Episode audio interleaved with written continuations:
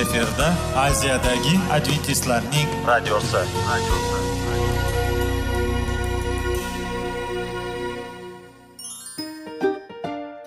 Assalomu alaykum aziz radio tinglovchilar. Sog'liq daqiqasi rubrikasiga xush kelibsiz. Zero tananing sog'lom bo'lishi va uning kasalliklardan saqlash har bir insonning burchi hisoblanadi. Inson uchun bebaho boylik bu sog'liq salomatlikdir. Uni asrash esa har birimizga omonat qilib berilgan. Shuning uchun ham inson o'z sog'lig'ini ehtiyot qilishi va ajib amallardan hisoblanadi. Dono xalqimiz sog'liq tuman boylik deb bejiz aytmagan. Aql idroq sohibi bo'lgan inson o'z hayotini qadrlashi lozim bo'ladi. Hozirgi kunda qanchalik dori darmonlar ko'paymasin tibbiy muassa sifati shifokorlar vasiyasi tibbiy texnika yaxshilanmasin. Agar insonning o'z salomatligi haqida qayg'urmasa kutilgan natijaga erishib bo'lmaydi va biz sizlarga bizning dasturimizga xush kelibsiz deymiz.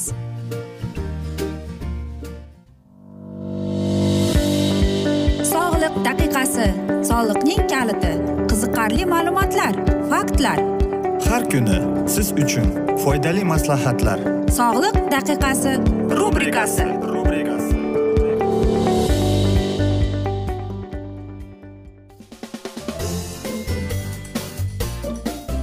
assalomu alaykum aziz radio tinglovchilar. Dasturimizga xush kelibsiz va biz sizlar bilan besh daqiqa sog'liq uchun deb atalgan dasturimizda xushvaqt bo'ling deb aytamiz. Va dasturimizni boshlashdan avval sizlarning yodingizga solib o'tmoqchi edik. Agar dasturimiz davomida sizlarda savollar tug'ilgan bo'lsa bizga whatsapp orqali murojaat etishingiz mumkin. Bizning whatsapp raqamimiz plyus bir uch yuz bir yetti yuz oltmish oltmish yetmish aziz do'stlar. Va bugungi bizning dasturimizning mavzusi bu qoidalar deb ataladi.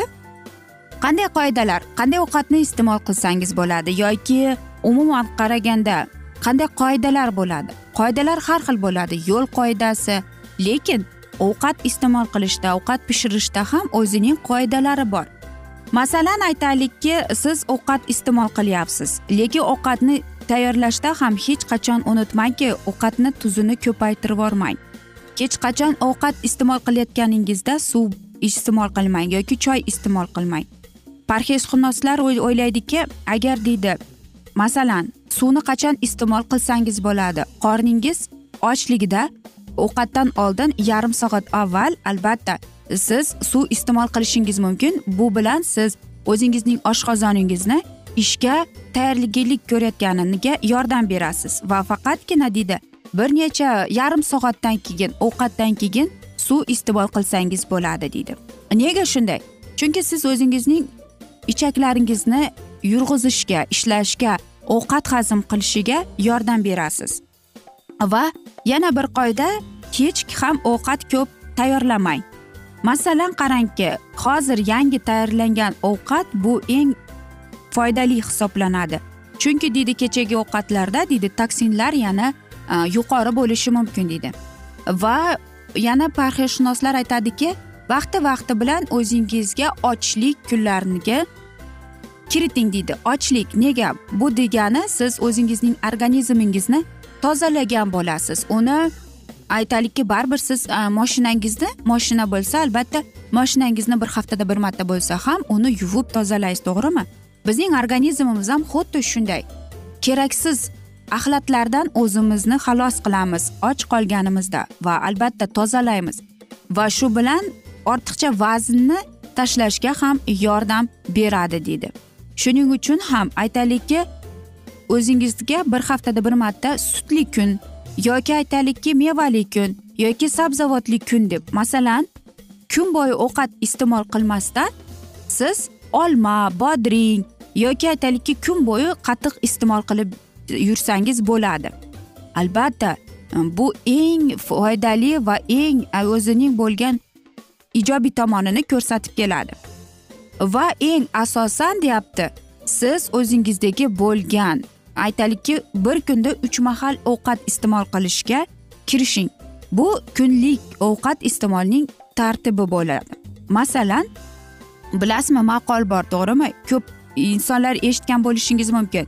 Nonushtani o'zing iste'mol qil tushligingni do'sting bilan bo'lish kechki taomni esa dushmaningga ber deb. Albatta balkim kechki ovqatni hech kimga bermaslik ham kerak emasdir lekin kechki ovqat deyapti yengil bo'lishi kerak. Masalan albatta siz kun bo'yi og'ir ovqat yeysiz lekin kechqurun aynan kelib sizning yegan oziq ovqatingiz e, judayam yengil bo'lishi kerak. Va e unutmaslik kerakki albatta uyquga yotishdan avval hech bo'lmasam deydi. Biz o'zimizdagi bo'lgan ikki uch soat avval uyqudan avval ovqatlanishimiz kerak deydi.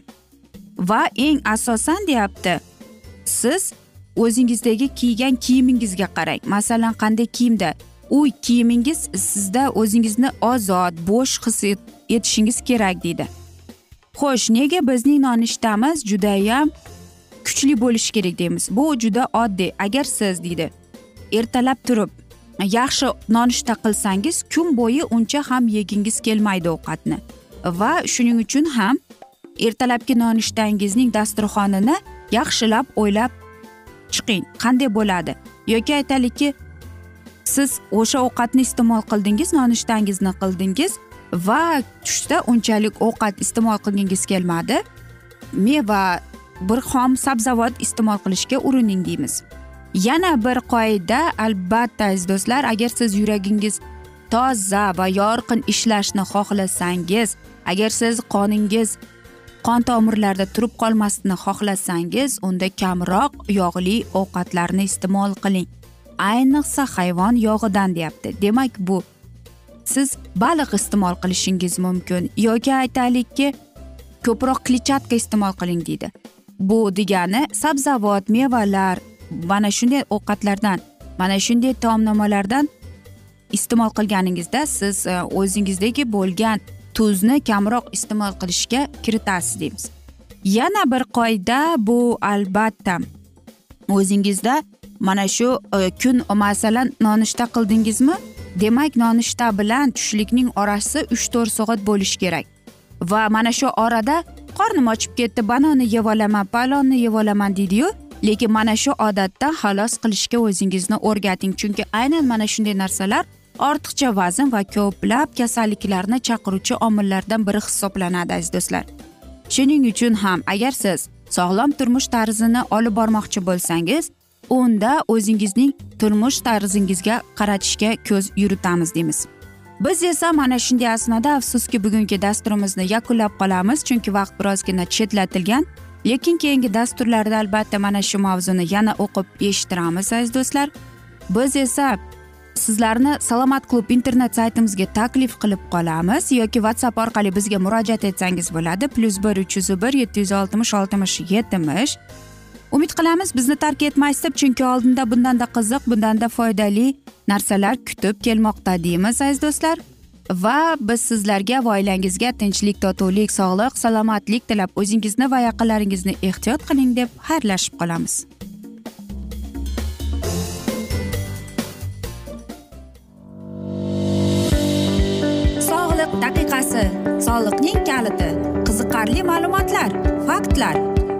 Kuni. Siz uchun foydali maslahatlar. Sog'liq daqiqasi rubrikasi.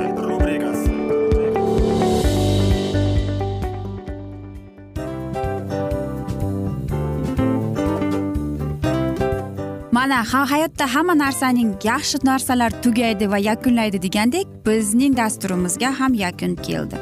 O'ylaymanki bizning dasturimiz sizga foydali bo'ldi deb aziz radio tinglovchimiz. Va siz o'zingiz uchun kerakli xulosalar kerakli maslahatlar olib oldingiz. Aziz radio tinglovchimiz biz bilan qoling va keyingi dasturlarimiz albatta undanda qiziqroq bo'ladi. Mana shu alfozda sizlar bilan xayrlashib qolaman.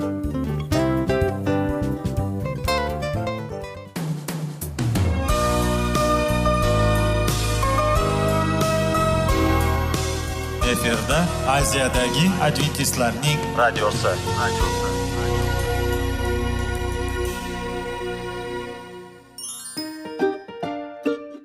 Assalomu alaykum aziz radio tinglovchilarimiz.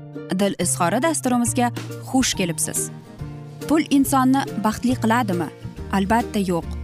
Sog'liqchi? Albatta bo'lishi mumkindir.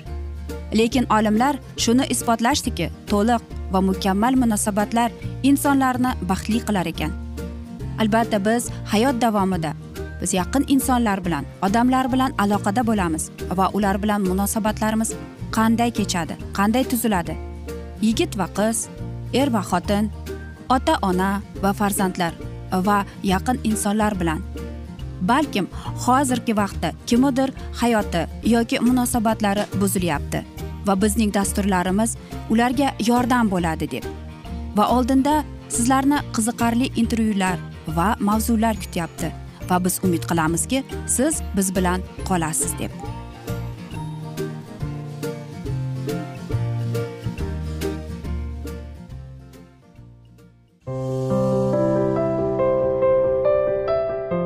Kuni har xil kasbdagi odamlar bilan sirlashish va bo'lishish sevgi rashq munosabat bularni hammasi dil izhori rubrikasida.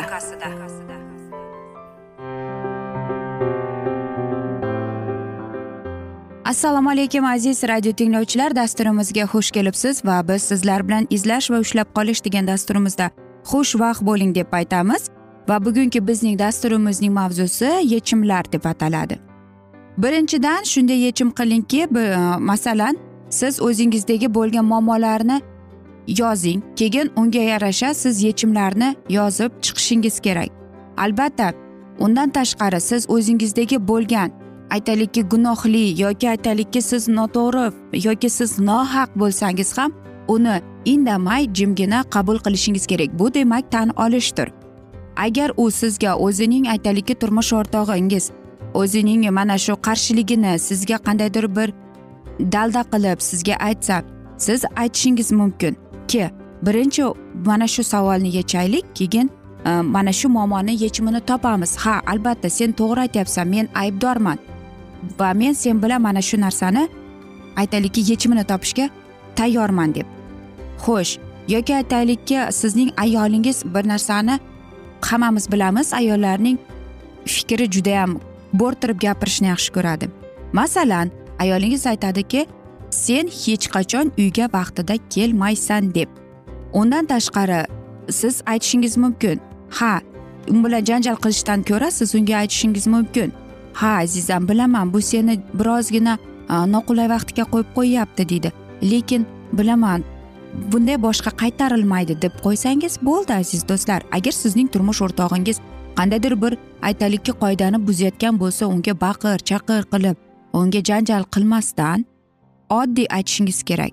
Ha aziz do'stim aziz bilasanmi e, sen haqsan men ham ko'p pul sarflayotganimdan bilaman lekin boshqa safar jichchagina bo'lsada aytaylikki muloyimroq va aqlini ishlataman deb aytishingiz kerak. Albatta muammoning yechimi judayam ko'p aziz do'stlar. Lekin hozirgi e, yigirma birinchi asrda nega oilalar buzilib ketyapti degan savollar ham keladi. Nega mana shunday bo'lyapti? Qarangki birinchi o'rinda bu bizning vaqtimiz umuman oilaga yo'qligimiz. Albatta hozirda biz e, hozirgi zamonda ishlab pul topib boyman man mening bolaligimda shunday narsalar bo'lmagan bolamda bo'lsin men yaxshi kiyintiraman yediraman ichiraman deydiyu ota ona ham bolalarni unutib qo'yadi deyishadi. Shuning uchun ham biz deydi vaqtimizni shunday chora yechimini qilishimiz kerakki deydi. Masalan bir kun deydi kechqurun har kungi odat bo'lishi kerak deydi. Hamma ota ham ona ham telefonini bir chetga surib hamma surib o'tirib oilaviy dam olib choy ichib suhbat qilish deydi. Bu eng yaxshi yechim deydi. Va qarangki deydi er va xotinning munosabatlari ham deydi tiklanib bora boshlaydi deydi. Ikkinchidan deydi umuman bir biri bilan suhbat qurmaslik deydi. Agar hozir biz internetga kiradigan bo'lsak har bir rasmda yoki hattoki mayli internet emas ko'cha kuyda ketayotganingizda nimani ko'rasiz? Yoshlarimiz bolakaylar kattalar kichkinalar faqatgina qo'l smartfonda o'tirishadi. Lekin bir biri bilan suhbat qilish umuman yo'q. Oilaviy hayotda ham xuddi shunday. Qay bir oilaga kirmang bola internetda qo'lida telefon eri telefonda xotini telefonda. Oilaviy munosabat keyin nega buziladi deb savol beradi. Shuning uchun ham aziz do'stlar o'zingizga mana shunday tajriba qilib o'tkazishingiz kerakki qo'l telefonni ishlatmasdan bir cherkaga surib uni boshqacha qilishingiz kerak aziz do'stlar. Va shundagina siz bu narsani aytaylikki yechimini topasiz. Yechim bu yaxshi lekin aziz do'stlar bilasizmi er xotin eng muhim narsani yo'qotib qo'yapti. Bu albatta o'zgacha bir suhbat bo'ladi aziz do'stim. Albatta muammolarni bir biri bilan yechib uning yechimini topib gapirib aytsak bu eng yaxshi.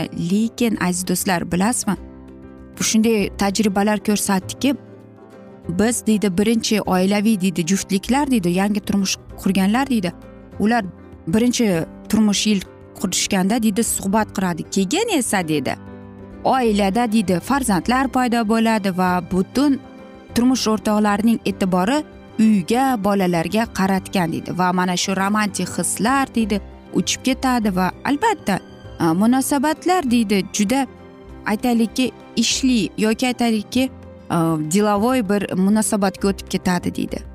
Va butun suhbatlar deydi faqatgina mana shu oilaviy pul e, mana shu pulga yoki aytaylikki bolaning maktabda bo'lgan xulq atrofiga kelib chiqadi.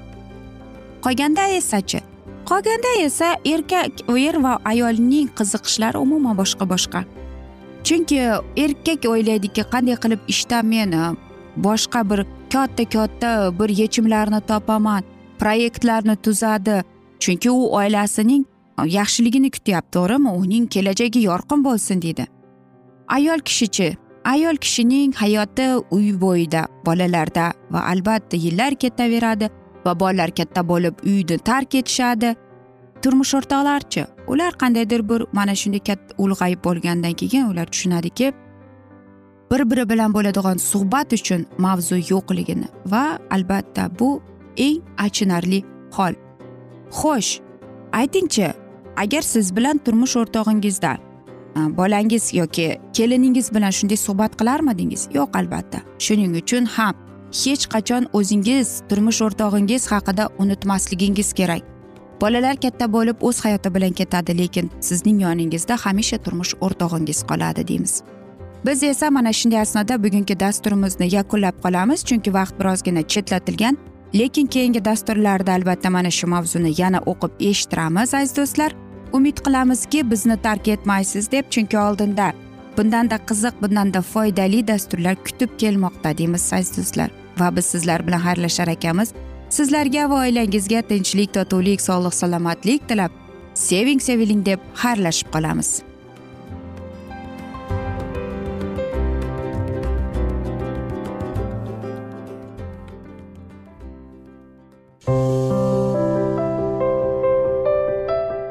Har kuni har xil kasbdagi odamlar bilan sirlashish va bo'lishish sevgi rashq munosabat bularni hammasi dil izhori rubrikasida. Mana aziz radio tinglovchimiz bizning go'zal va foydali va chiroyli dasturimiz yakunlanib bormoqda. Sizlarga birozgina maslahat berib o'tmoqchi edik. Bir biringizni seving. Qadringizga yeting. Va erkalang albatta bir biringizni va sizga judayam chiroyli va mustahkam munosabatlar tilab qolamiz albatta. Sevgilingiz doimo yoningizda bo'lsin. Mana shu borada sizlar bilan xayrlashib qolamiz. Xayr.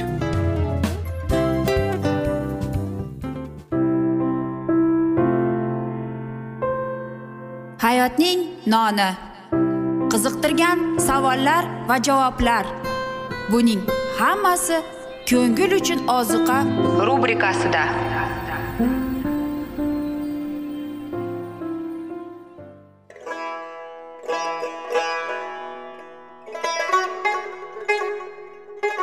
Assalomu alaykum aziz radio tinglovchilarimiz. Ko'ngil uchun oziqa rubrikasida xush kelibsiz deymiz. Siz haqiqatni izlayapsizmi? Olamnimi? Umidnimi? Siz kimga murojaat qilmoqchisiz? Odamlar ko'pincha siyosat kuchiga tayanadilar. Dunyo iqtisodiyoti holati tobora chuqurlashib bormoqda. Tabiiy ofatlar va texnogen halokatlar minglab insonlarning hayotini olib ketib juda katta zarar yetkazmoqda. Sizga abadiy hayot inomini hadya qiluvchi va hayotingizni tubdan o'zgartiruvchi haqiqatni izlab toping. Xudo haqidagi haqiqat uning kalomida mujassamlashgan. Kimki bu haqiqatni butun qalbi bilan izlasa albatta unga yetishadi. Bu sevgi xudoning tarixidir. Hayotingizda yoki sizning yon atrofingizdagi olamda nimalar yuz berishidan qat'iy nazar? Siz ertagi kunga buyuk umid va ishonch hosil qilishingiz mumkin. Hozirda xudo sizga taklif qilayotgan umid ishonchga o'z qalbingizni oching va sizni qiziqtirayotgan mavzularni savollaringizga javoblaringizni topib olasiz deb umid qilamiz. Biz bilan qoling.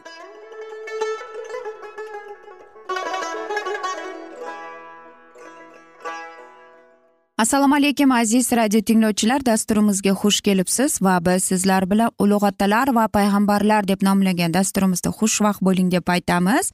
Va bugungi bizning dasturimizning mavzusi bu dovud hayotining oxirgi yillari deb ataladi. Dasturimizni boshlashdan avval sizlarga eslatib o'tmoqchi edikki agar dasturimiz davomida sizlarda savollar tug'iladigan bo'lsa bizga whatsapp orqali murojaat etsangiz bo'ladi. Bizning whatsapp raqamimiz plyus bir uch yuz bir yetti yuz oltmish oltmish yetmish. Abusalomning mag'lubiyat bo'lishi shu zahoti mamlakatda tinchlikni tiklamadi. Qo'zg'olonda juda katta omma ishtirok etdi. Hamma qavmlarning rizoligini eshitmay dovud poytaxtga qaytib yana o'z zimmasiga podshohlik vakolatini qabul qilishga jur'at etmas edi. Abusalomning mag'lubiyati orqasida ro'y bergan ommaviy sarosima ichida qavmlardan hech birisida darhol va jiddiy ravishda dovudning podshohlik vakolatini tiklash uchun podshohni qaytarmoqchi bo'lganida bu qaror boshqa qavmlarning rashqini chiqarardi. Mamlakatda g'ulg'ula ko'tarildi lekin tezda g'ulg'ula bostirildida va isroilda tinchlik o'rnatildi. Dovudning tarixi eng taassurot qoldiradigan namunalardan biri boylik saltanat va dunyoviy shuhrat biridir. Aynan shularga odamlar intiladilar. O'xshash sinovda yengib chiqadigan tajribaga kamdan kam odamlar egadilar. Dovud hayotining ertangi yillarida u cho'pon bo'lib podalarni boqib yurganida u kamtarlikda chidamli mehnatga va jonivorlar to'g'risida hamdard g'amxo'rlikka o'rgandi. Tepaliklar orasida tanholikda u tabiat bilan muomalaga kirishardi. Musiqiy va shoirlik iste'dodlarining rivojlanishi uning fikrlarini ijodkorona yo'lantirardi. Cho'lning qahrli hayoti jasurlikni o'zini tuta bilishi sabr toqatni va xudoga ishonchni talab qilardi. Bular hammasi dovudning isroillik taxtiga tayyorlash maqsadida azaldan xudovand tomonidan tayinlangan edi. Qimmatli tajribalarida u ilohiy sevgini tanib bildi. Ularga xursand bo'lar edi. Muqaddas ruh mukammal darajada uning bilan edi. Shoulning tarixida insoniy donoligining behudaligini aniq ko'rardi. Shunga qaramay dunyoviy sharafshon va yetishgan muvaffaqiyatlar dovud tabiatini ojizlantirardi.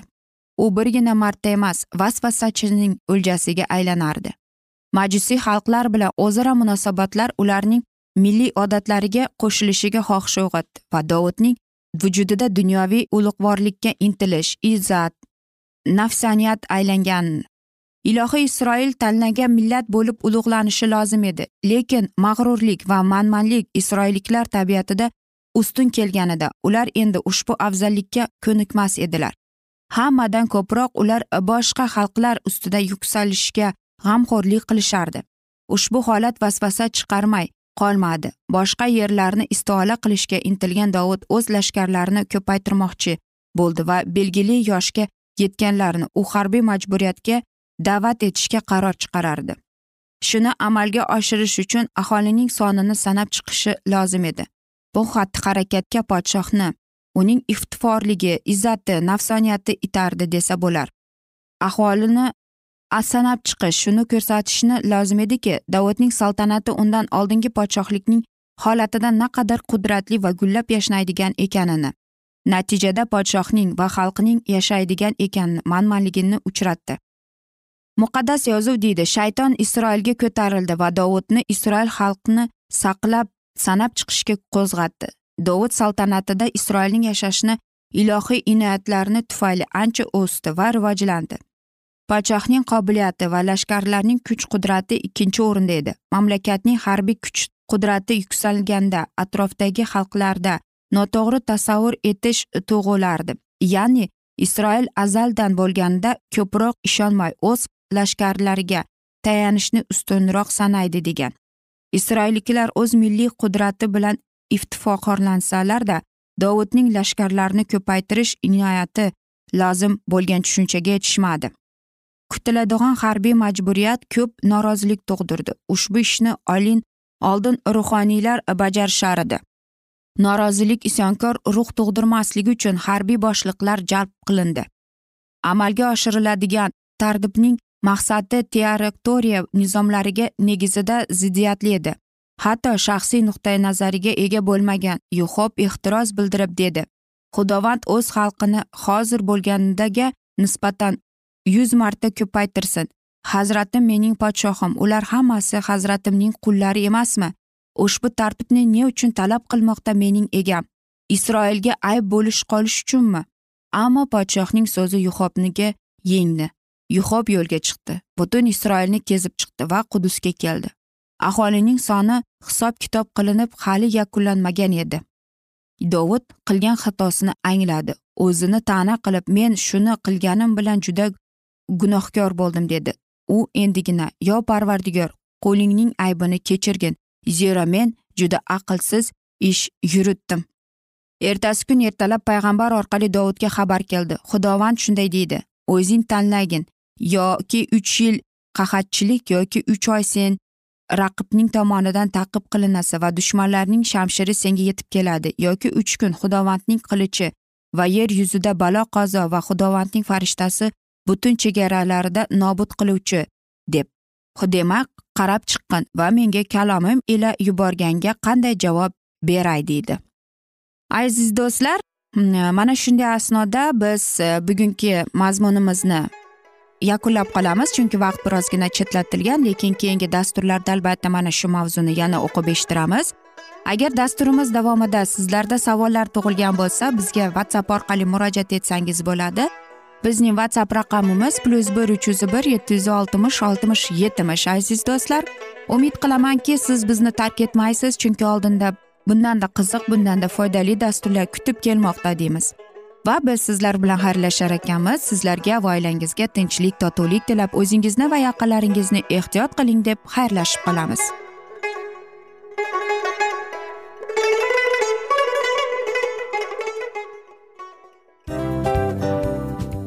Afsus afsus.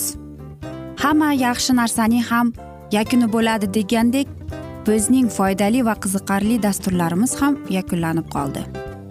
Va men umid qilamanki bizning dasturlar sizga ozgina bo'lsada maslahat berdi foyda berdi. Va sog'liq borasida ayniqsa sizlarga foydali bo'ldi deb. Va siz bizning maslahatlarga amal qilasiz deb. Albatta keyingi dasturlarda undanda qiziqroq undanda foydaliroq ma'lumot berishga harakat qilamiz. Undanda qiziqroq ko'rsatuvlar sizlarga hadya etishga harakat qilamiz. Bizni tanlaganingizga albatta sizlardan minnatdormiz. Sizlarga baxt omad va sog'liq tilab qolgan holda mana shu alfozda sizlar bilan xayrlashib qolamiz. O'zingizni ehtiyot qiling sog' bo'ling omad sizga xayr.